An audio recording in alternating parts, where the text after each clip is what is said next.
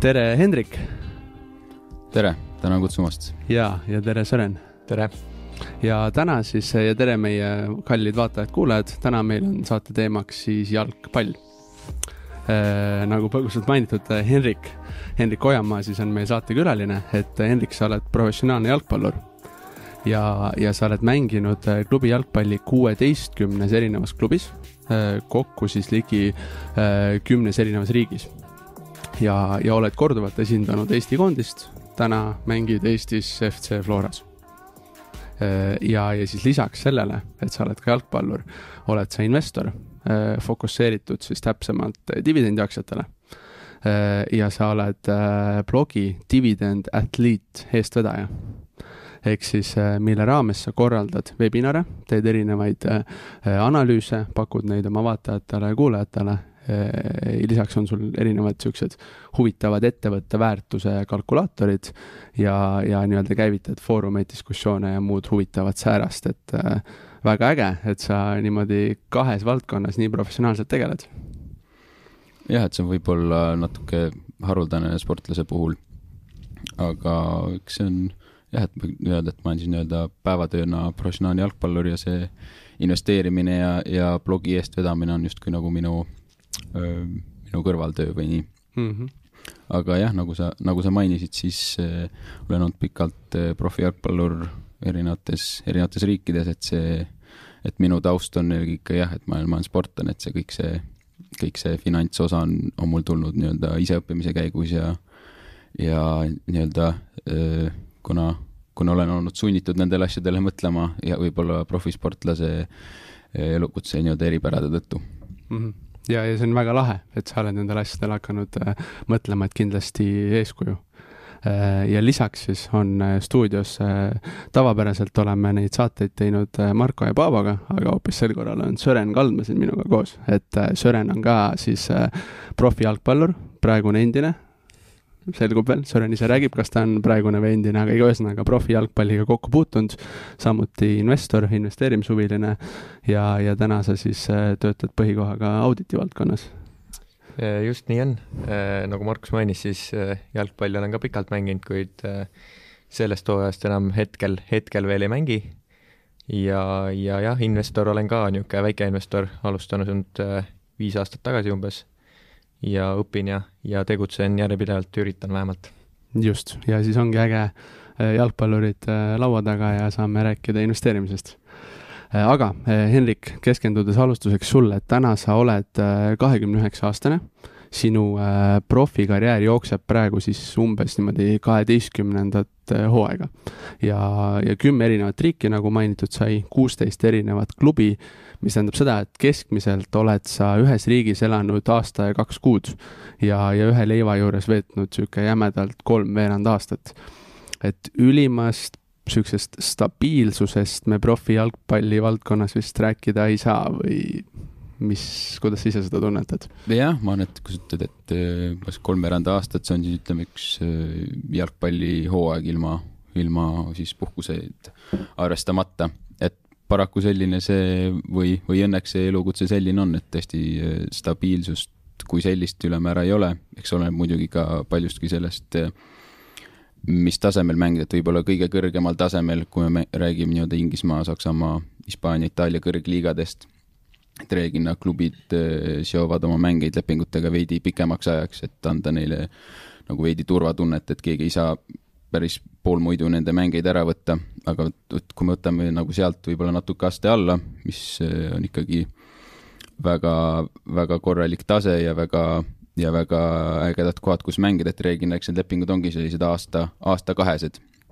Ja samamoodi isegi kui, kui on pikemad lepingud, et eks ma olen sõlminud ka kolmeaastaseid ja veidi pikemaid lepinguid, aga eks see võib olla selline, et kui on üks hea aasta, siis sul endal tekivad võib-olla teistsugused variandid ja klubi näeb võimalust, et ta saab sind nii-öelda rahaks teha või kellelegi teisele maha müüa või siis teistpidi, kui jälle on selline keerulisem aasta või on sattunud mingeid vigastusi ja klubi tahab teha mingeid muutusi personali osas, siis, siis tuleb vahel edasi liikuda, et olla, et olla jätkuvalt konkurentsis ja, ja kuskil mängida, et tavaliselt, kui isegi kui mul on olnud pikaajaline leping, siis ma nagu nii-öelda istuma kuskile pingile ei ole tahtnud jääda, et vahel on need vahel on need klubivahetused tulnud sellepärast ja vahel siis sellepärast, et on, et on läinud väga hästi ja on tekkinud mõni, mõni muus, uus huvitav võimalus liikuda kõrgemale mm. -hmm. et äh, nii nagu sa ise kaupled või noh, siis investeerid väärtpaberitesse ja kaupled neid, siis äh,, siis klubid ka kauplevad sind nagu siis äh,, nagu, siis su jutust välja tuli praegu. jah, ma et äh, et klubide eelarves on kindlasti see sisse arvestatud, et nad soovivad, soovivad mingi jääda nii-öelda plussi nende ostu, ostu ja müükidega, kui on teatud klubisid, kellele see on,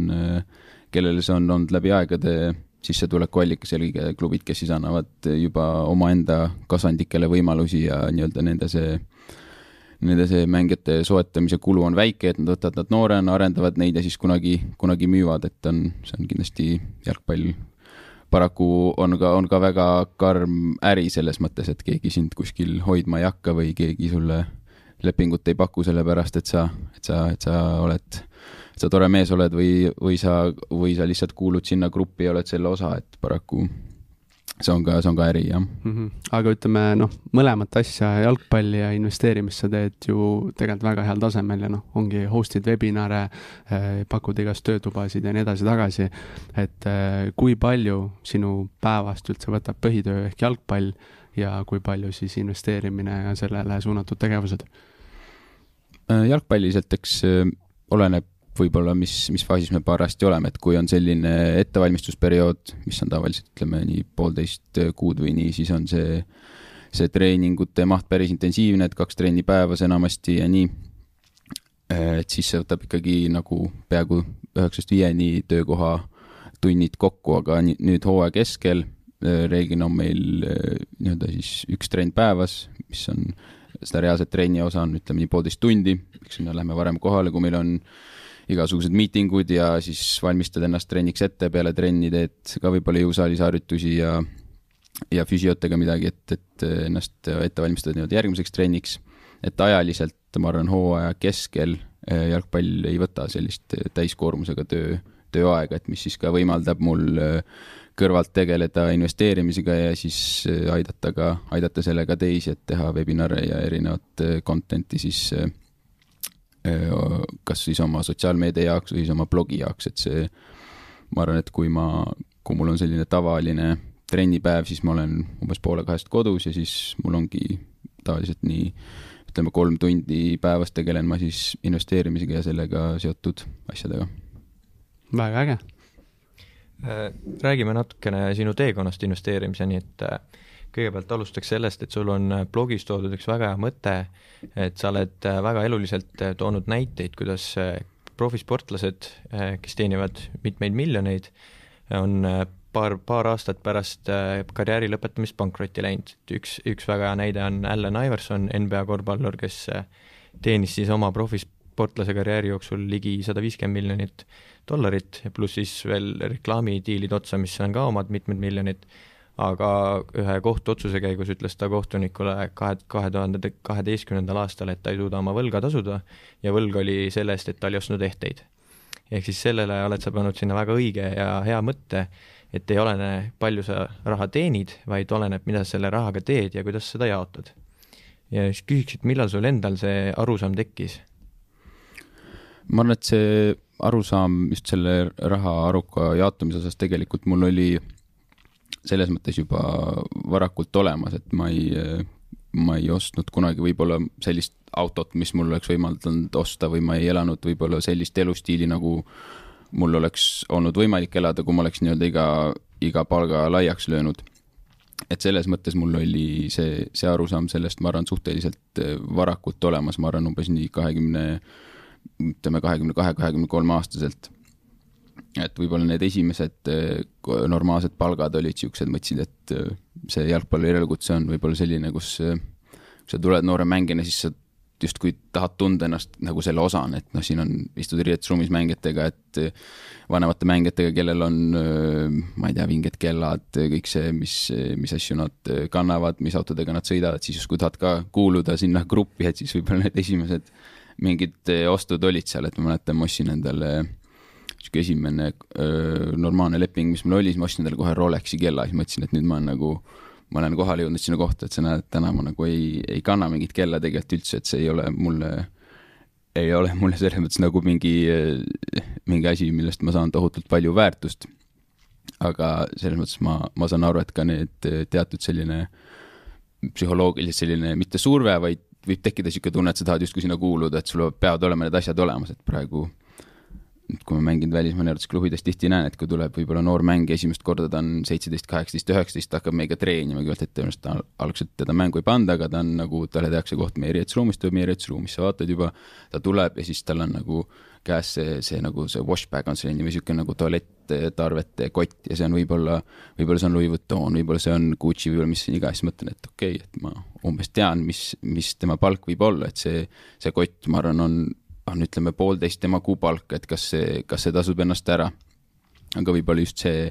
see, see tunne mängijatele, et ma tahan kohe kuuluda siia gruppi, et kuigi ma veel ei mängi, kuigi ma veel ei tee mingeid tegusid siin, et siis ma tahan juba olla nii-öelda igatpidi, et kõik näeks, et ma ikkagi olen jalgpallur, et ma, ma kuulun siia. aga ma arvan, et teistpidi, kuigi ma ei, ei raisanud nagu raha suhteliselt, ma arvan juba kahekümne kahe, kahekümne kolmeselt, siis ma ei kohe veel sel hetkel ma ei tegelenud investeerimises, et võib-olla igal mängijal, ma tean, on kuskil kuklas see mõte, et mis ma hakkan tegema peale jalgpalli, et see ikkagi, see ei, sellele, sellele ei vaadata nii, et, et, et läheb samamoodi edasi ja mängin kuni viiekümne aastani. et seda kõik ikkagi teavad, et üks hetk see karjäär lõpeb ja, ja see sissetulek ka lõpeb väga kiirelt otsa aga võib-olla algselt ma mõtlesin sellele nagu teise nurga alt nagu rohkem sellise nii-öelda töötaja nurga alt, et mis oleks see töö, mida ma võiks teha pärast eh, jalgpallikarjääri. aga ma ei, mul ei olnud otseselt nagu mingit mõtet, et mis mind veel väga huvitaks ja millega ma tahaks tegeleda, et siis selle kaudu ma jõudsingi nii-öelda investeerimisele, okei okay,, kuigi ma ei tea veel, mida ma tahaks teha. et siis, kui ma, ma saan nii-öelda oma raha saata enda eest tööle, et las see, las see raha siis töötab minu eest ja ma saan ise mõelda siis kunagi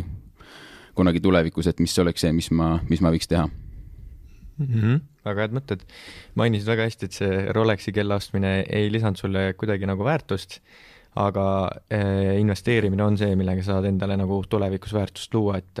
et millal sa siis eh, oma esimesed investeeringud tegid mm,? ma arvan, et ma e vaataks oma investeerimist sellele, et mis hetkelt ma hakkasin nagu mingi sihi sihipõhiselt siis sellega tegema, et ma olin seal kuskil kahekümnendate keskel, ma arvan ka, et ma olin äkki kakskümmend viis, kaks, saamas kakskümmend kuus, ütleme, ütleme mingis sihukeses vahemikus, kui ma, kui ma investeerisin juba nii, et mul olid konkreetsed eesmärgid ja sihid ja kõik kriteeriumid pandud paika, et siis ma hakkasin sellega tegelema nagu tõsisemalt, et et see on selliselt jalgpalluri elukutse, ütleme, on ühte, üldse profisportlased, see on nagu rahaliselt ühtepidi väga hea ja teistpidi väga, väga keeruline, ma ütleks, et ühtepidi sa saad juba, ütleme, kahekümnendate, oma kahekümnendate alguses hakkad saama sellist palka, nagu sa oleks nagu spetsialist, ütleme nii, tavatöökoha mõttes aga see, see, kõik need palgad on justkui nagu kokku surutud väga lühikese aja jooksul, et sa hakkad saama head palka, aga see on võib-olla kümme, kaksteist aastat, millal sa seda saad ja siis on täiesti null, siis saad, ütleme, kolmkümmend viis, ühtlegi nii-öelda päris töökogemust sul ei ole, enamasti ei ole ka kõrgharidust, et see on päris keeruline olukord, kus olla tööturul, ma, ma kujutan ette. et sellepärast just need otsused tehtud sellises vanuses, kus reeglina ei tehta võib-olla väga häid rahalisi otsuseid, need on justkui väga suure kaaluga, sest ühtepidi, kui teed varakult selle, ütleme, normaalse raha hulgaga teed head otsused, siis võib-olla on sul terve elu finantsiliselt eh, korras, aga just selle sama aja jooksul teed halvad otsused, siis on väga keeruline seis, et oled harjunud kogu aeg saama head palka, oled harjunud nagu teatud elustiiliga, aga tööturul on positsioon, ütleme, mitte parim ja mingit teist sissetulekut ka ühel hetkel enam ei tule, et see on justkui nagu väga, väga suure kaaluga need otsused, mis, mis tehakse sellel ajal mm. -hmm aga äh, nagu mainisid, et sul niisugust äh, ülikooliharidust või midagi selja taga ei ole, et äh, kuidas sa, kuidas sa õppisid ise seda analüüsimist tegema ja, ja kas olid ka nagu mingid peamised äh, keegi isikud, kes mõjutasid sinu niisuguseid põhimõtteid ja otsuseid? Ühte konkreetset isikut nagu ma ei oskaks välja tuua, ma arvan, et see oli kombinatsioon asjadest, et ikkagi ma hakkasin kõigepealt internetis ise uurima selle kohta. ja siis eh, võib-olla algselt eh, see, ma arvan, esimene sihuke suur suur tõke oli see, et sa ei, kui ei tunne nagu seda keelt, et kui sa ei oska neid äh, nii-öelda finantsaruandeid lugeda, et siis kõik, äh, see ei anna mingit võimalust, kui tahta individuaalsetesse aktsiatesse investeerida, üksikaktsiatesse. et ma arvan, et esimene selline suur hüpe või selline asi, mis aitas mul teha selle esimese suure hüppe, et ma lugesin niisugust raamatut, selle nimi oli äh, ma tahaks öelda Warren Buffett accounting book, et Warren Buffettiga pole seal midagi eh, tegemist, aga see oli selle, selle pealkiri ja seal seletati väga hästi need finantsaruanded minu jaoks lahti. ja sealt edasi, et selle peale sai juba siis ehitada kõike, kõike muud, et igast erinevaid eh, raamatuid ja ma jälgisin eh, inimest, teiste inimeste blogisid, kes sellega, kes sellega tegelesid, erinevad podcast'id ja nii edasi, et ma ütleks, et ma olen saanud nagu ise lihtsalt, kuna on nii palju materjali internetis ja võimalik tellida endale raamatuid ja kõike muud, et ma olen saanud nii-öelda omas tempos, omas tempos õppida, aga ma arvan, et sihuke esimene, esimene suur samm edasi oli siis, kui ma tundsin, et ma saan, ma saan päris hästi juba aru, et kuidas, mis see nii-öelda finantskeel on, ehk siis, et kuidas neid äh, aruandeid lugeda mm. -hmm.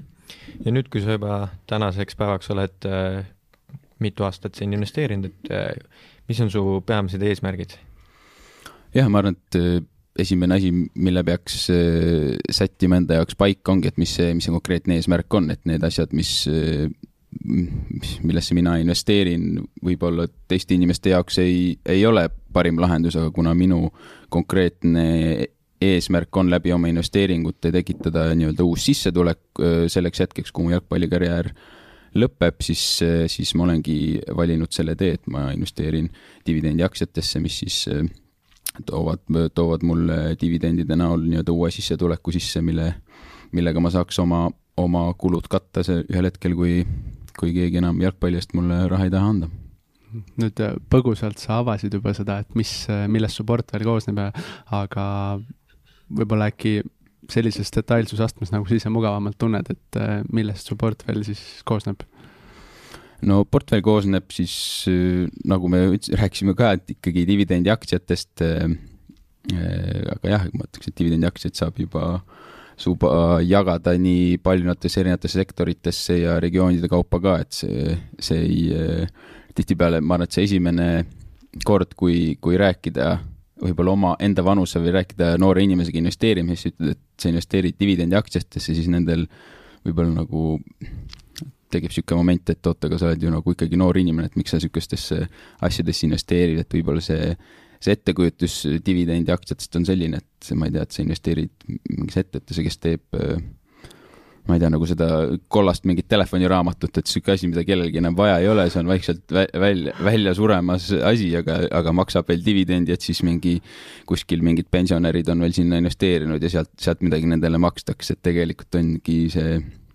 see dividendide maksmine on lihtsalt nagu üks osa sellest, mida see ettevõte teeb, et seal on ikkagi nii palju erinevaid, erinevaid asju ja, ja, ja seal on ikkagi ka seda kasvu märgatavalt, et see, see ei ole päris nii, nagu, nagu inimesed arvavad mm,. aga noh, mainisid, et see passiivne rahavoog ja, ja see, et ütleme just nimelt rahavoog kunagi su äh, elamiskulud siis üleval peaks, on ju aga samas on meil ka mingisuguseid teisi instrumente, mis seda võimaldaks, näiteks ostad korteri, üürid välja või mingisugused laenuinstrumendid, võlakirjad, et äh, miks sa nende suunas ei ole vaadanud? jah, väga hea küsimus ja mm, ma okei okay,, räägime siis võib-olla natuke eraldi igast sellest äh, äh, instrumendist, et äh, jah, et, jah, et see ei ole raadiosaade, et kui ma hakkan rääkima kinnisvarast, siis keegi vihane kinnisvarainvestor kohe, kohe helistaks meile sisse siia aga eks eh, minu portfellis on siis ka nagu kinnisvara nii-öelda osa, aga see on ka läbi eh, läbi aktsiaturu ehk siis läbi kinnisvara oh,, kuidas eesti keeles on mingid terminid mulle keerulised, kuna ma eelkõige kirjutan ingliskeelselt ehk siis REIT-id ehk siis eh, turul kaubeldavad kinnisvarafondid on vist eestikeelne mm. jah, eh, vaste nendele et ma isiklikult tunnen, et äh, minu enda eesmärkide jaoks annab mulle justkui parema, parema võimaluse kinnisvarasse investeerida, sest kui ma võtan ühe, ütleme, tavalise kinnisvarainvestori, et paljud minu ütleme, sõbrad ja ka teised jalgpallurid, ma tean, investeerivad korteritesse, et see on justkui nagu see kõige, kõige turvalisem asi nende silmis, aga aga kui ma vaatan ütleme, ühe tavalise kinnisvarainvestori portfellis, seal on ainult ühte tüüpi kinnisvara, ainult ühest regioonist ja siis see on justkui väga kontsentreeritud ja see risk on ka väga kontsentreeritud, et ma arvan, väga suurel hulgal erainvestorid, nendel on väga keeruline saavutada mingi teatud hajutatus kinnisvara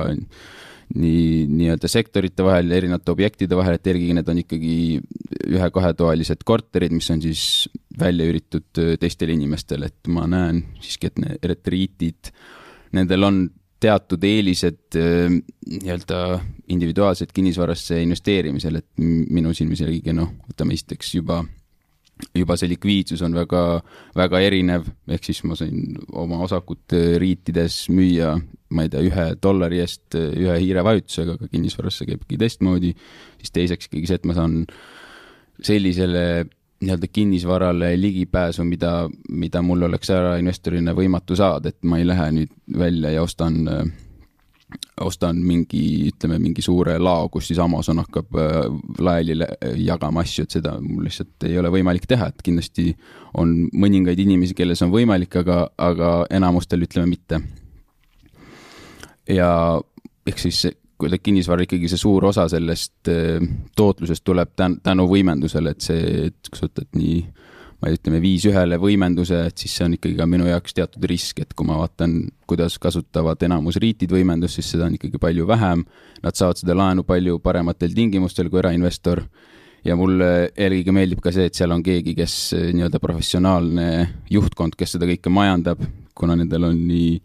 nii palju neid objekte ka, siis nad saavad kõigi igast hooldusasjadest ja nii palju paremaid diile, kui ma saaks, ütleme ma ei tea, kui parandad sada katust, siis töömees teeb sulle parema diili, kui sa parandad ühe katuse, et kõik, kõik sellised asjad, et minu jaoks see, see kaalub nagu üle selle nii-öelda üürikorteristesse investeerimised kindlasti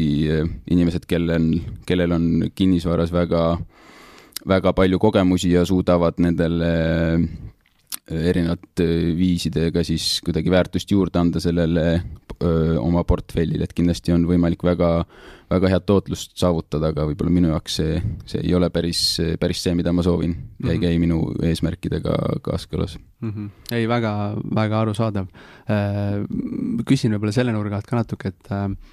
hiljutisel ajal äh, või noh, lähiminevikus ja ka olevikus äh, kasvuettevõtted on hästi palju pead tõstnud, et, äh, et kes siin läbi erinevate ühisrahastusportaalide teevad siin, ütleme, lühikese ajaga mitmekordistavad kapitalid ja noh, ütleme, kes kuidas, on ju. Et kas sul ei ole tekkinud niisugust väikest ahvatlust, et noh, teeksin kolme kuuga niisugune dubeldaks ei, sellist, et ma arvan, et siis, kui juba need osakud kauplevad kuskil, et siis ma arvan, mul, ma ei ole enam, ma ei ole enam huvitatud selles faasis, et mul on mingi raha, see ei ole mingi raha, millele ma eeldan, et see mulle mingit konkreetset tootlust toob või mis ma arvan, et millele ma nii-öelda loodan, et see hakkab minu äh, minu pensionipõlve kuidagi rahastama, aga kui ütleme, on selline võimalus, et äh, kuskil väga varajases raundis, ütleme mingis Friends and Family raundis kuskil mul on võimalik saada kuskil sisse mingis ettevõttes, mis, mille, mille produkt mulle näiteks väga meeldib, et siis mul on kaks sellist äh, paigutust tehtud, aga see on, ma ei eelda nagu, et see, see mulle mingit, mul ei ole mingeid ootusi, ütleme, mul on lihtsalt, äh, see on mingi osa Mm, rahast siis, mis mul ütleme, on, on pandud kõrvale, et mul ei tekiks nii-öelda ahvatlusi millegi suuremaga teha, et see on ka minu arvates tähtis, et kui ütleme, minu portfell ongi dividendiaktsiad, siis mis mina olen eh, ka teiste investoriga rääkides, et tea, kui on mingi, ütleme, väike osa rahast võib olla viis protsenti sinu rahast, mis ongi sul kõrval nii-öelda, et, et võta sellega nii palju riske, kui soovid või tee sellega, mis, mis tahad et võib-olla sellises väga varajases staadiumis, kui keegi, kui tuleb nii-öelda minu lauale selline võimalus, siis, siis võib-olla ma olen huvitatud, aga, aga ikkagi väga väikses, väga väikses osas, et juhul, kui, kui juba need kauplevad kuskil ja nii-öelda väga varajased investorid on oma, oma kasu sealt kätte saanud, et võib-olla sellel hetkel ma ei tunne, et mul oleks mingit eelist ja see ei, ei käi. Võib-olla minu, ei ole mul mõtet panna piisavalt suurt raha sinna selles faasis, et see oleks mulle nagu minu, mulle seda väärt kuidagi mm. -hmm. ei, täitsa põhjendatud, arusaadav. Äh, aga ütleme, minnes aktsiainvesteeringutesse ja, ja nende valimisse natuke detailsemalt sisse, põgusalt sa mainisid ka äh, juba erinevaid põhimõtteid, mis sul on, aga võib-olla kui alustada niisuguse vundamendiga, millised tegurid või nüansid on sulle ettevõtte puhul olulised, et põhilised filtrid, mida sa jälgid, vaatad, hoiad silma peal? ja ma arvan, et eh, kuna ma olen dividendidele nii-öelda fokusseeritud, siis see dividend ja selle dividendi kasv läbi aja, see juba iseenesest annab päris hea indikaatori, et kui, kui ettevõte on suutnud iga-aastaselt näiteks dividendi kasvatada juba ütleme viisteist, kakskümmend aastat, no järelikult nad juba midagi teevad õigesti, et nendel ei oleks see lihtsalt võimalik, kui nende, kui nende äril läheks kehvasti, et see on, juba annab teatud indikaatori et kas ma üldse olen huvitatud seda vaatama edasi või mitte, eks see on seotud ka sellega, et kas on ettevõttega, mis, mis toodab kogu aeg piisavalt seda vaba rahavoogu, mille, mille pealt siis neid dividende saaks maksta. et ma arvan, need on võib-olla kaks esimest asja, et kas, kas, kas ettevõte on kasvatanud oma rahavoogu, kasvatanud oma dividende juba pikema ajaperioodi jooksul. et sealt ma siis juba äh, sealt ma siis juba vaatan edasi, et kuidas on nende laenukoormusega lood, kuidas on nende, kui, kui tulus on nende äri ja kuidas, ma arvan, see, see juhtkonna osa on ka võib-olla selline, millele sa ei saa panna konkreetseid numbreid külge, aga see on üks, üks tähtsamaid osi ka ikkagi ette, iga ettevõtte, ettevõttesse investeerimisel mm. -hmm aga just ütleme, võib-olla sellest juhtkonna mõttest kinni hakates, et sa ütlesid, et, et investeerid noh reitidesse näiteks on ju ja, ja kõik siuksed asjad, noh, valdavalt äh, noh, reidid, noh, meil Eestis mõni võib-olla analoogne on leida siit börsilt, aga noh, ikkagi valdavalt asuvad nad USA-s. Äh, noh, ma ise isiklikult pole kordagi USA-s käinud, võib-olla me ka siin isiklikult nende reitide omanikke ja, ja juhtfiguure ei tunne, et kuidas sa hindad seda, kui lombi taga on mingid inimesed, kelle nimesid sa näed, aga noh, sisuliselt ega sa ei ole nendega ju laua taga istunud ja sa ei tea, mida nad mõtlevad, kuidas nad mõtlevad jaa, väga hea küsimus, et ma arvan, et eh, jah, seda, selleks ma võib-olla ei pea neid eh, selles mõttes tundma, aga ma pean, tahan teada, et ma saaks neid usaldada nende selles, mida nad, mis suunas nad liiguvad ja mida nad lubavad, ütleme, et kui ma olen juba sellises faasis, kus ma olen ettevõtet juba mõnda nii-öelda lasknud juba läbi mitme filtri, see tundub mulle huvitav, et siis ütleme, kui ma võtan lahti kellegi Äh, aasta raporti aastast äh, kaks tuhat kuusteist, kus ta lubab midagi järgmise kolme, nelja, viie aasta peale. ja kui siis ütleme, on sama tegevjuht ja siis viie aasta pärast pole nagu midagi kuulda enam sellest eesmärgist või sellest mingist projektist, mis siis välja hõigati, et siis võib-olla mul, mul tekib küsimärk, et mis, mis sellest sai ja siis noh, võib vaadata, et kas seal nende selle Äh, earnings call'i ajal, et kas, kas seal keegi ana-, analüütik küsis ka selle kohta või, või nendele meestele mikrofon on ka juba kinni keeratud, et sellist küsimusi ära ei võeta vastu. et äh, võib-olla ma toon näite, et see pole, see pole üldse dividendiaktsia, üldse väga kauge aktsia sellest, millest me investeeriks, aga keegi, keegi postitas selle Twitteris, see oli minu jaoks huvitav, et kas oli kaks tuhat üksteist kaks tuhat kaksteist aastal, siis Tesla ütles, et nendel ei ole vaja mitte kunagi enam kaasata kapitali ja kui ma vaatan nagu praegu, siis nad on vist kaheksa korda kaasanud rohkem kapitali, andnud välja rohkem aktsiaid sellest saati, et kui ma näeks nagu sellist asja, siis mõtleks, et võib-olla ma ei, kas ma saan usaldada seda, seda juhtkonda, et nad teevad seda, mida nad lubavad mm. -hmm absoluutselt, head mõtted. ja, ja teine võib-olla, mille alt siis läheneda, et, et maailmas on meil nii palju neid ettevõtteid, mille hulgast valida, oleks meil noh, siin kaks tükki on ju, vaatad, kumb on parem, võtad selle on ju. aga noh, turg on meil lademetes äh, ettevõtteid täis. Äh, kuidas sa üldse enda jaoks seda screen imise või mingisuguse esialgse selektsiooni äh, protsessi alustad, et üldse noh, ma ei tea, tuhandest ettevõttest kasvõi kümme tükki sulle jääks nagu sõelale, mida sa siis detailsemalt edasi uurid ja et ma, ma arvan, et eh, üks, kuna ma rääkisin juba, et see dividendi fookus on, on tähtis, et kui ma, kuna see juba filtreerib paljud välja, et kes lihtsalt üldse ei maksa dividendi, kel, kes võib-olla on sellises faasis, kus nendel on selle vaba rahaga nii palju erinevaid võimalusi, et nendel see ei ole üldse, üldse päevakorras ja, ja ei peakski olema. aga kui ma lasen juba sellest filtrist läbi, siis tulevad mõned välja ja no ma arvan, et näiteks USA aktsiatega on selles mõttes lihtne, et dividendiinvestoritel on selline selline tabel, mida siis haldas David Fish kunagi, kes on täielik dividendi investorist legend, kes paraku paariaastast meie seast lahkus ja nüüd haldab seda, seda Justin Law vist ma tahaks öelda, haldab seda listi, et see on siis list, kus on kõik nii-öelda dividendiaktsiad, kes on kasvatanud oma dividendiaktsiaid teatud Äh, aastaid juba, et see on erinevad, kes on kasvatanud võib-olla kümme aastat, kes on vähemalt kakskümmend viis aastat, kes viiskümmend aastat, et see juba filtreerib väga paljud nendest välja, pluss seal ma saan siis juba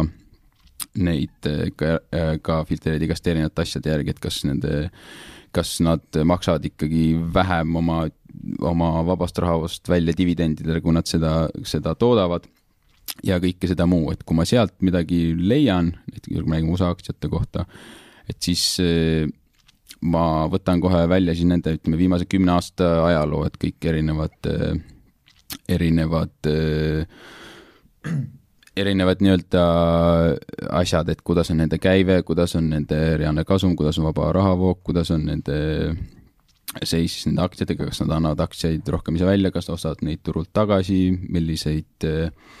ja eelkõige ma tahaks ikkagi näha ka seda, et ettevõte on väga, väga tulus selle poolest, et nad ikkagi, nendel on võimalus ja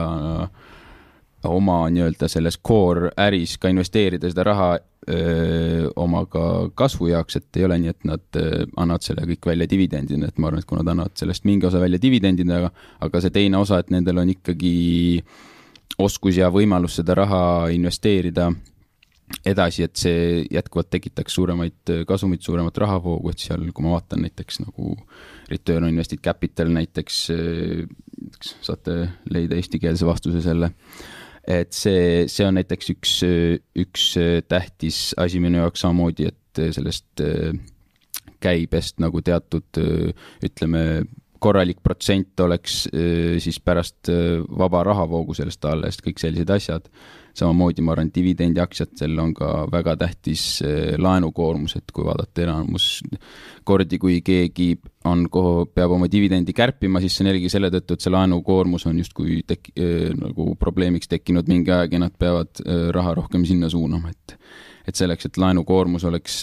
oleks ka mõõdukas. Ja eks siis see, see viimane asi on siis see, mis on investoritel tihtipeale kõige keeruline, see valu-, valuatsiooni osa, et kas praegu äh, on keegi kuskil, kes on nõus oma aktsiaid mulle müüma selle hinnaga, mis, mis mulle tundub okei okay. mm. -hmm. väga asjalik, Sören, sul on järgmised mingid küsimused sel mm -hmm. teemal kohe haaran sellest, mainisid siin juba ühte suhtarvu, et et blogis, blogiga liitudes saavad sinu lugejad tegelikult niisuguse kolmeteistosalise checklist'i, mida sina siis ilmselt ka kasutad oma investeeringute valikud, et saad natuke seda lahti aru-, lahti arutada? Jah, et see on selline, annab võib-olla teatud kondikava ette, et muidugi iga, eks sektorite kaupa on ikkagi sellised väga, väga erinevad paljud need arvud ja seda ei saa võtta nagu nii-öelda mingi millegiga, mis iga hetk ja igale ettevõttele annab väga hea ettekujutuse, aga ma arvan, see on hea koht, mm, ma olen tundnud ise, mul see hea koht, kus alustada oma analüüsi, et okei okay,, et seal juba, see on jagatud nii-öelda neljaks erinevaks Äh, neljaks erinevaks äh, nii-öelda kvadrandiks, ütleme siis, ühe siis ongi see dividend, et on teatud dividendimäär juba, tavaliselt ma ei vaata, ma ei vaata ettevõtteid, kes siis maksavad alla kahe protsendi dividendi praegu selle investeeringu pealt, see on eelkõige nagu minu enda isiklikust olukorrast tingituna, et mul ei ole see horisont nii, investeerimishorisont nii pikk enam ees. siis, et see, see osa see osa vabast rahavoost, mis nad maksavad välja dividendidena, et see ei oleks üle kuuekümne protsendi, ta eh, noh, on ka sektoreid, kus, kus see võib olla kõrgem, kui me räägime näiteks riitidest, nagu me mainisime, aga enamasti alla kuuekümne on selline, kus ma tunnen, et see on, et see on juhtkonnale justkui nagu mm, nad peavad ikkagi sellele mõtlema, et nad ei saa oma vaba rahavooga nii kuidagi lohakalt ümber käima, kui nad maksavad alati suure osa, suure osa välja dividendina, samas ei ole liiga kõrge, et see on justkui probleem, kui on mõni kehvem aasta. Mm, ja siis tahaks ikkagi näha ka, ka teatud dividendimaksete tõusmise ajalugu, mis on ka tähtis. ja et see kasvumäär oleks ka ikkagi teatud protsent, et kui nad lihtsalt tõstavad seda nii-öelda, et saada kuhugi,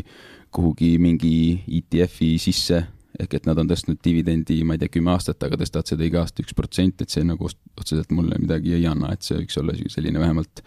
vähemalt viis protsenti. teine osa sellest on siis, nagu ma rääkisin juba, et see profitability, et return on equity, return on invested capital ja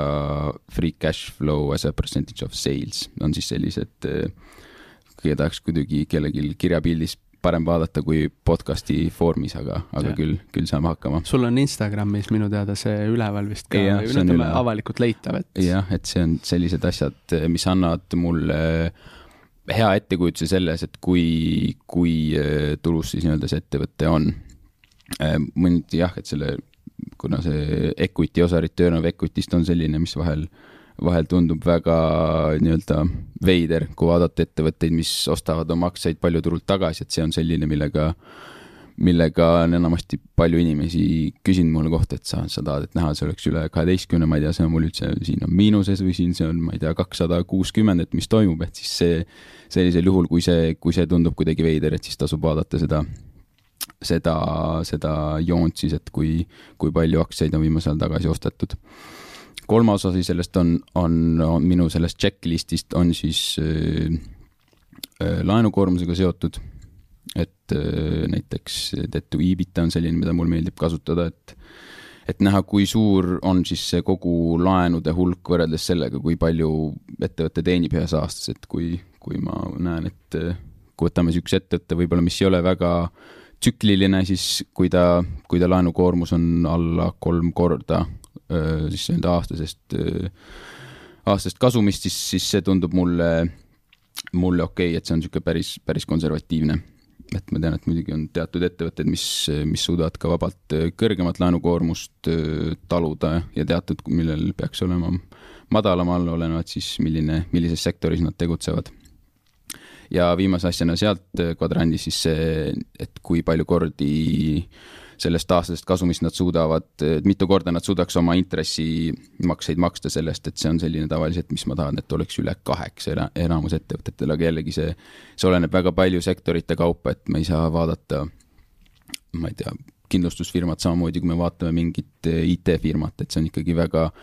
väga erinevaid ja erinevad ettevõtted, nendel on vaja erinevat, erinevat Äh, tasemel nii-öelda kapitali, et osad, äh, osadel on see nii-öelda väga kapitalikulukas, see nende äri ja teistel, teistel vähem, et äh, selles mõttes on see, see checklist annab,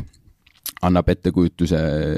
või niisuguse esimese pildi ette, aga seda peab kindlasti vaatama ka, võrdlema sektori sees eraldi. ja viimase kvadrandina on siis seal see evolutsiooni osa. Et see on võib-olla selline, millega mm,, kus see annab küll niisuguse pildi ette, aga annab nagu pildi ette ainult praegusest hetkeolukorrast, et see ei ütle meile midagi kasvu kohta, et selleks on ka, on ka muid asju, millega, millega, mida ma kasutan ja millega, mida ma ka inimestega jagan, aga seal ongi sellised suhtarvud nagu siis äh,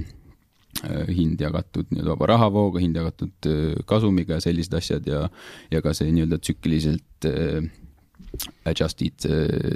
see PE, mis siis nagu annab võib-olla terve majandustsükli jooksul sellise keskmise valuatsiooni, et seda, seda eelkõige siis ka nagu tsükliliste ettevõtete puhul on hea, hea jälgida. ja see on tegelikult selline, selline huvitav suhtarv, et seda äh, et see praegu on saanud justkui kriitika osaks, et see võib-olla enam ei tööta nii hästi praeguste nii-öelda madalate intresside tõttu ja kõik muu, aga, aga seda tasub äh, minu silmis ka, ka vaadata, et see on, et inimesed, kellele see pakub äh, huvi ja tahaks selle kohta rohkem näha, siis jah, et see on, see on täiesti, äh, sellele suunan ka inimesi oma, oma, oma Instagramis ja blogil. ma korra, Sören, küsin vahele, kui on okei okay., et äh, tõid väga hea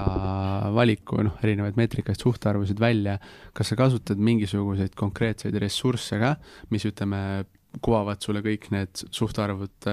noh, siis per ettevõte ja siis tulevad niimoodi reas suhtarvud ja sa saad ise kohe kiirelt vaadata sealt või sa hakkad käsitsi neid läbi arvutama või,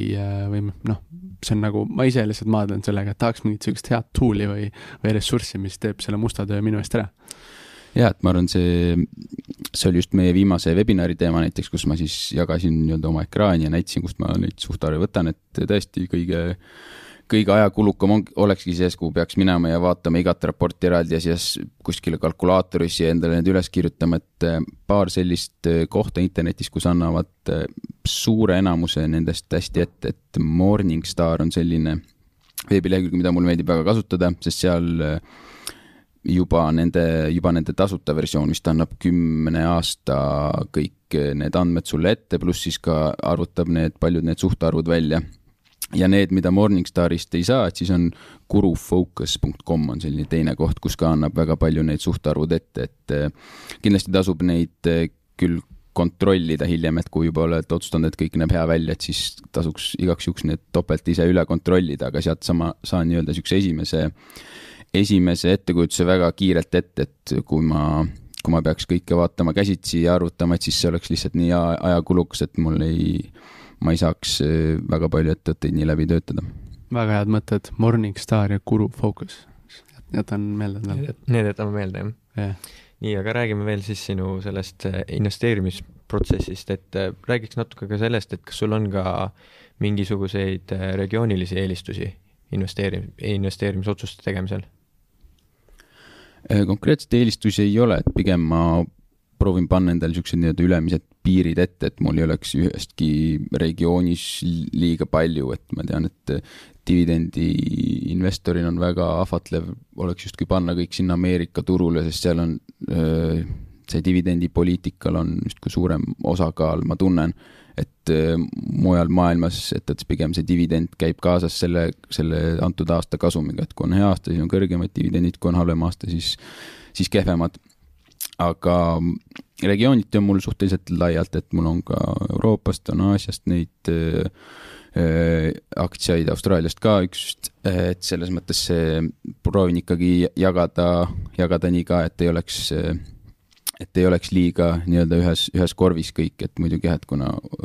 kuna USA börs on, moodustab nagu nii suure osa nendest kõikidest aktsiatest, et seal vist, kui ma, kui üks riik, kus on kõige rohkem, siis on USA-s, aga see ei ole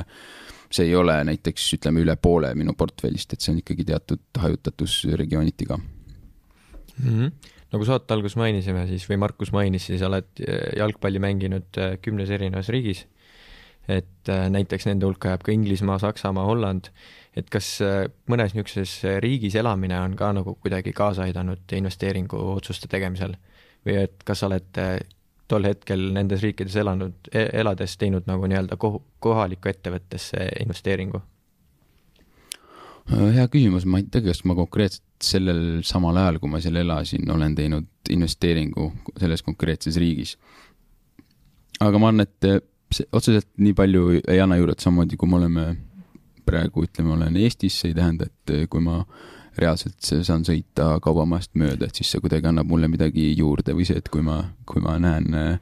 et kui ma näen äh, aknast, et Selveri poodi, et siis see on nagu kuskil annab mulle mingi eelis, et kokkuvõttes ikkagi see, see info on samamoodi, kõik, kõik info selle ettevõtte kohta on olemas ka kellelgi, kes elab teisel pool maakera, et see, ma arvan, et väga, kui ikkagi kui ikkagi äh, eksisteerib see info kõigile kättesaadaval kujul, et see, ma ei tunne, et ma saaks sealt äh, mingisugust teatud äh, eelist. võib-olla üks näide näiteks, kui Poolast me räägime konkreetselt, siis Poolas on see ettevõte, mis toodab videomänge, CD Projekt on selle nimi, et ma pole sinna ise investeerinud midagi, aga Poolas olles oli juba võib-olla tunda, et kuna see ettevõte ostis selle Witcheri IP üles, et siis, et see oli midagi, mis oli Poola inimeste suht-, hulgas väga populaarne. et võib-olla see oleks andnud mingi teatud ettekujutuse, aga kokkuvõttes ikkagi, et see enamus koopiad, need müüsid ikkagi mujal maailmas, et see ei oleks nagu, see võib-olla Poola-siseselt ei oleks andnud mulle mingit eelist mm -hmm.. okei aga millised on äh, sinu senise teekonna suurimad õppetunnid? Õppetunde on ikka ja see on ainult, ainult hea, et need, need sai teha sellisel ajal, kui ikkagi, kui ma olen investeerinud, et turud on ikka reeglina liikunud üles, et siis õnneks need vead ei ole olnud väga, väga kulukad. aga ma arvan, et paar sellist asja võib-olla ennem me ei maininud, et mille, mida ma, seda konkreetset asja, et kui ma investeerin ettevõtet, siis tahaks ikkagi ka näha, et nendel on mingi selline justkui konkurentsieelis et äh, kui ma, kui ma võib-olla al alguses alustasin sellega, et siis ma ei pannud sellele väga palju rõhku, et ma vaatasin, kui siin viimased, viimaste aastate ja kõik nagu muud asjad klapivad, kõik on justkui hästi. et ma ei vaadanud, et seda, et millises konkreetses sektoris ta just täpselt äh, tegutseb, et millised on konkurendid, et kas reaalselt on mingi konkurentsieelis, mis võib anda nendele, ma ei tea, järgmiseks kümneks aastaks ka mingi eelise või ei ole, et ma mäletan, ma investeerisin ühte, vaata, see oli Hongkongi äh, ettevõte, mis tegi mobiilimänge ja nendel läheb jätkuvalt, läheb hästi, aga see on selline äri, kus ma ei saa öelda, et nendel oleks mitte mingisugust konkurentsieelist, et iga ettevõte võib äh, tuua välja uue mobiilimängu ja see, mis parajasti on populaarne, see on populaarne, vahel see on põhjustel, mis, mis, millele ma ei oska nagu mingit kindlat põhjust anda, et ütleme, ma ei tea, vahepeal mäletad sellist mängu nagu Angry Birds näiteks, sa ei ütleks, et see on nagu, nendel on midagi selles mängus midagi nii väga erilist, et see on, on kakskümmend aastat edasi, see on ka hea. et see on selline äri, et siis mingi hetkel, kui ma ostsin enda aktsia, kõik oli, kõik oli tore ja juhtkond, juhtkonna poolelt ka, et ettevõtte nii-öelda founder oli jätkuvalt tegevjuht ja tal oli selles ettevõttes ka väga suur osalus ise, et justkui kõik oli aligned, aga aga mingi hetk nagu, kui üks mäng läks ebapopulaarseks, siis ja nendel ei olnud uut mängu, siis nendel oli kehvem periood ja siis niikaua, kuni mingi järgmine mäng jälle öö, nendel nii-öelda õnnestus. et sellest ettevõttest ma, ma müüsin ennast välja sellise õppetunniga, et ikkagi sa vaadata rohkem ka seda sektorit ja seda konkurentsieelist, et kas see on, kas nendel on midagi, mis annab neile eelise, ehk siis sellisel puhul ei andnud ja võib-olla teine õppetund sellesama ettevõtte osas oli see, et äh, kokkuvõttes äh, lõpuks äkki hakkas ettevõttel minema paremini, aktsiahind tuli sellele järgi, et ma ei müünud seda nii-öelda kahjumiga maha, aga pigem ma arvan, et äh, ma arvan, see on asi, millega paljud investorid ka maadlevad, et kui sul midagi on kahjumis, mis enam ei ole sulle, kindlasti ei vasta sinu kriteeriumitele, et nii-öelda saada sellest lahti, et see on üks, võib-olla üks suurimaid vigu on see, et ma ootan kuni ta tuleb sinna tagasi, et ta tuleb ja, sinna tagasi ja siis ma ei ole kaotanud raha ja siis ma võin selle rahuliku südamega maha müüa, et ma arvan, et see on üks selline asi, millega, millega paljud maadlevad ja mina ka sel hetkel, et sellel hetkel kindlasti vedas, aga ma arvan, et õppetund oli ka selles et ei, et kui sa, et kui sulle miski enam ei sobi ja siis sa võid selle ju julgelt maha müüa ja panna selle raha kuhugi, kus, mis vastab kõikidele sinu kriteeriumitele, et see, et oodata, et võib-olla, võib-olla keegi ikka ootab, et, et et tuleks nende nii-öelda ostukohta tagasi, et aga see läheb rohkem juba selle psühholoogia alla, mis, millest me ka varem äh, rääkisime, et see on ka üks suur asi mm. -hmm. väga, väga head õppetunnid ja väga hea näide ka kohe selle, sellele otsa. samu viisu, vigu isegi teinud nii, aga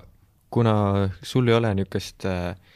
niisugust äh, haridust, nagu me siin rääkisime, et mingit niisugust tausta taga või töökogemust, et äh, millised on need raamatud või koolitused või mingid õpetused, et äh, mis on sinu seda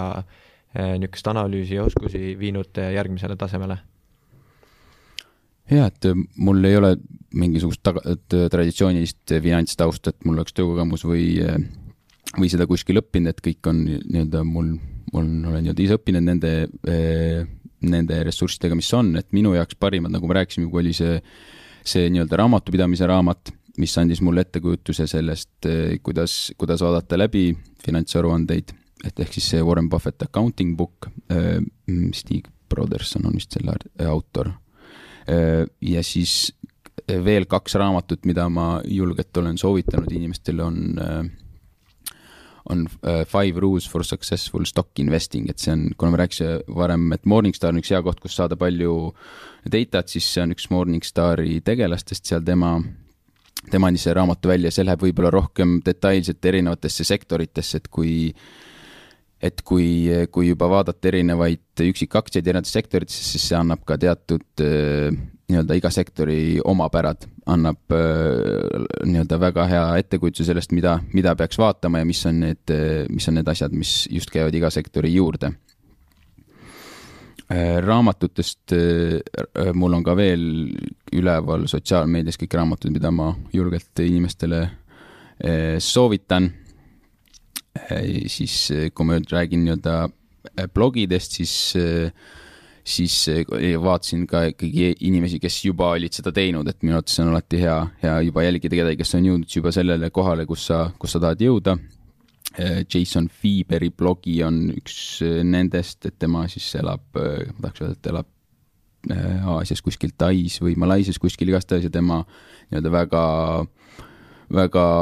väikeste palganumbritega, aga, aga väga väga nii-öelda konservatiivse ja pikaajalise strateegiaga saavutas selle, et tema siis elab seal ja on finantsvaba ja tema investeerib ka ainult dividendiaktsiatesse, et tema jagas oma analüüsi ka firma kohta, mis mulle väga meeldis. ja siis Sinkiga Alfa on ka selline veebilehekülg, mis mulle väga meeldib, et ma olen sinna ka ise kirjutanud artikleid ja seal võib, inimesed saavad nii-öelda vabalt oma, oma oma analüüsi jagada ja siis Sikin Alfa otsustab, et kas nad äh, lasevad selle üles või mitte, et seal on ikkagi teatud äh, filter vahel, et päris, päris äh, igaüks sinna ei, ei kirjuta, aga seal ka inimesed saavad siis nii-öelda jagada oma artikleid ja teised saavad siis rääkida, kas nad on selle poolt või on selle vastu, et seal on ka väga huvitavat just, et kuidas e-, üles ehitada oma analüüsi. Podcastidest mulle meeldib The Investors podcast näiteks, mulle meeldib väga Meb Faberi podcast, mis on, mis on väga hea, et isegi ta ei ole otseselt dividendiinvestor, aga mulle meeldivad väga palju tema, tema lähenemine. Mm, need on need, mis mulle praegu tulid otseselt meelde, et erinevaid blogisid ja, ja veebilehekülgi ja raamatuid, et neid ma jagan ka siis oma, oma veebileheküljel ja oma sotsiaalmeedias, et kui, et võib-olla kui ma nii need loetlen ette, siis need, siis neid on raske jälgida, aga, aga seal saab ka selle kohta rohkem informatsiooni mm. -hmm. väga hea. aga kui veel korra rääkida, et see profi, profisportlase karjäär on niisugune ebastabiilne, et eh, kui on need, eh, need hetked, kus sa oled klubiotsingul ja ei tea, millal, millal ja kust eh, järgmine sissetulek tuleb, et milliseid põhimõtteid sa siis endal rakendanud oled? jah, et see on, ma arvan, iga jalgpalli jaoks kõige keerulisem periood, sest kui, kui ei, leping lõpeb või et siis, siis selline periood, kus sa ei tea, kus see, kus see järgmine leping võiks tulla, et see ei ole kunagi sulle garanteeritud, et jalgpall on selline sport ka, kus sa tegelikult võitled selle koha nimel mitte ainult nii-öelda oma riigi inimestega, vaid sa võitled nii-öelda inimestega üle terve maailma, kes, kes seda kõike harrastavad ja sooviks, sooviks mängida professionaalselt, et, et konkurents on kindlasti kõva ja sellepärast ma väga hindan ka igat, igat aastat, mis ma olen saanud mängida professionaalselt ja iga seda võib-olla vä välislepingut eriti, sest selleks, et võtta, võtta välismängija, see on ikkagi eraldi nii-öelda klubidele ka kulukam ja suurem ettevõtmine ja, ja sa pead nii-öelda midagi ekstra neile tooma. aga nendel hetkedel, kus siis mul ei ole olnud klubi, et äh, konkreetselt midagi väga teha selle osas ei saa, et minu vend on minu agent ja, ja ka paljude teiste Eesti koondislaste agent ja siis kuna ta on, kuna ta on minu vend ka, et siis ma usaldan teda täielikult nendes asjades ja see on olnud väga suureks abiks mulle karjääri jooksul, et ma tean, et ta ta annab endast äh, parima ja teeb seda, mida, äh, teeb seda väga hästi oma tööd ja ta on alati leidnud mulle hea variandi, kus ma saan jätkata oma karjääri, aga võib-olla see periood, kus ei ole olnud lepingut, siis lihtsalt, et mingi nendest äh, säästudest, mis on selleks ja siis selleks puhuks kõrvale pandud, et siis nendest elada, et kõige halvem oleks justkui seal hakata kui ei oleks neid sääste, ei peaks hakkama oma nii-öelda portfelli kuskilt otsast maha müüma, et siis, et see, see nii-öelda meelerahufond on, ma arvan, jalgpalluril võiks olla keskmisest natuke suurem. head mõtted äh,. enne kui hakata saatele nii-öelda võib-olla joont alla tõmbama, siis ma tegelikult tahaks ühe teema sinuga ära lahata, et üks osa efektiivsest ja tulemuslikust investeerimisest on ka maksudega hästi toimetamine ja optimaalselt toimetamine. et kuna sa möllad nii mitmes erinevas regioonis äh, oma aktsiainvesteeringutega, äh, teed sa seda läbi eraisiku ettevõtte, milliseid soovitusi sul on jagada tulenevalt kogemusest, et äh, ja veel väga hea küsimus jällegi ja kindlasti ma arvan, väga, väga tähtis osa investeerimise puhul, et mul, mis on olnud minu jaoks kõige keerulisem, mis on nii-öelda nõudnud ekstra tööd, on see, et kuna olen erand nii paljudes erinevates riikides, siis iga kord, kui ma kuhugi liigun, siis kuhugi lähen mängima mujale, et siis ma pean, võtan kohe ennast nagu seal äh, maksukohuslane arvele ja siis mulle kehtivad kõik need põhimõtted, et seal on selle tõttu on ka erinevad, ütleme, dividendidelt see, mis äh, peetakse kinni, see tulumaks, et see on võib-olla Poolas ja Saksamaal ja Horvaatias, näiteks see on kõikides erinev. Äh, nüüd viimasel ajal muidugi Poolas konkreetselt, et õnneks on mul olnud raamatupidaja, kes, kes on palju aidanud sellega aga kuna üheksakümmend protsenti juhtudel mängijad saavad ikkagi eraisikuna palka, siis ma olen ka investeerinud eraisikuna mm,. ja, ja lihtsalt see probleem kogu sellest ei ole nagu sellest, et ma olen, investeerin erinevatesse riikidesse, regioonidesse probleemi või probleem või siis nii-öelda raskus on olnud see, et ma pean ennast kogu aeg uues kohas võtma arvele, maksukohuslane, seal kehtivad uued reeglid, mida ma võib-olla nii hästi veel ei tunne, et reegel seal kasutada kellegi professionaali abi, et nii-öelda kohaliku maksuspetsialisti abi on alati, säästab väga palju vaeva. Mm -hmm.. okei. Äh,, siis oleme maininud äh, sinu Dividend Athlete äh, blogi ja keskkonda, aga noh, kui veel käia üle mingid kontaktid, põhilised märksõnad, et kui keegi soovib sinuga ühendust saada, kuidas ja mismoodi saaks ta sinuga kontakti või sinu tegemistel silma peal hoida? Jah, et äh, suur osa sellest, mis ma teen, on nii-öelda oma blogis, mis on dividendathlete.com ja seal saab ka, seal saab ka minuga siis meili teel ühendust võtta ja, aga enamus inimesed leiavad mind äh, Instagrami kaudu, kus siis on ka kasutajanimi Dividend Athlete, et äh, enamasti inimesed, kuna seal on meil kogu nagu selline suurem kogukond ka kokku saanud, et peaaegu viisteist tuhat inimest, et siis jällegi inimesed leiavad mind, mind sel-, sedakaudu ja siis seal võivad mulle ka otse kirjutada, et ma, ma üritan, kui vähegi võimalik, üritan igale vastata. ja lõpetuseks niisugune küsimus, et kui sa võtad kõik asjad täna kokku, eh, mida sa oled tänaseks õppinud, eh, ja, ja sa saaksid üks kuni kaks mõtet nooremale endale pähe istutada, et äh, kindlasti tee nii või ära tee nii, siis mis need üks kuni kaks mõtet oleks? oh, väga, väga huvitav küsimus selles mõttes, et äh, ma arvan, kui, kui mingi nii-öelda äh, vanem mängija, ütleme jalgpallur ütleks mulle neid asju millalgi, kui ma olen ise noor, siis ma, mul oleks väga raske võtta nagu seda õpetussõna endale kohe kaasa, et pigem ma arvan, et iga ka viga, mis ma olen teinud, et see on kokkuvõttes ikkagi hea, et kui sa saad ise selle kogemuse kätte, et siis see, see õppetund on öö, on, on värskemana meeles, aga kui ma, ütleme öelda kaks asja, ütleme siis kahe poole pealt, et selle jalgpalli poole pealt võib-olla oleks, ütleks nooremale endale, et sellest justkui rohkem rõõmu tunda, et see võib, kui mängida väga pikalt professionaalselt, siis sellest võib tekkida siukene, tunned justkui pinget või see kogu aeg on kohustus hästi esineda ja, ja, ja teenida see järgmine leping ja nii edasi, et kokkuvõttes ma oleks võib-olla natuke rohkem vabamalt selle suhtes võtma, et tunda ka sellest teekonnast rohkem rõõmu, et see on kõikide nende kõrgpunktidega ja madalpunktidega, Sören teab ka kindlasti väga hästi, et seal on äh, neid mõlemad igaühel, et äh, on hetki, kus kõik on, kõik on super ja, ja inimesed äh, armastavad sind ja kõik fännid ja siis on teisi hetki, kus kõik on justkui raske või oled vigastatud või mis iganes, et et ma, et ma nooremale endale soovitaks nagu kogu sellest protsessist rohkem rõõmu tunda ja võib-olla rahalise poole pealt, et kuna ma hakkasin mõtlema rahaasjadele juba suhteliselt noorelt, aga nii-öelda investori poole pealt hiljem, siis ma võib-olla paneks niisuguse mõtte endale pähe, et kas, et, et on ka muid mooduseid raha teenida, kui siis läbi palgatöö, et see oli, see oli midagi, mis ei olnud minust äh, nagu juba kohe väga noorena sees, et, et, et selline variant on ju ka väga, tänapäeval kõigile väga, äh, väga võimalik selles mõttes, et see on ju kõik äh, need eh, barjäärid, et hakata sellega tegelema, tegelikult ka rahaliselt ei ole nii suured, et saab alustada väikeste summadega ja selle peale ehitada. super head mõtted, et eh, noored eh, jalgpallikasvandikud siis Henrik on rääkinud, et pange kõrva taha ja, ja pidage meeles. aga igal juhul aitäh, ma arvan, siin on mõistlik koht tõmmata tänasele vestlusele joon alla, super tund aega oli. mulle väga meeldis, palju häid mõtteid et aitäh teile kutsumast, et ja. tund aega läks, läks kuidagi kiirelt. ülikiiresti aga..., teist tundi oleks veel vaja. Täpselt. aga aitäh sulle, Henrik, aitäh, Sören, esmadebüüt on tehtud. Ja, ja siis näeme järgmistes saadetes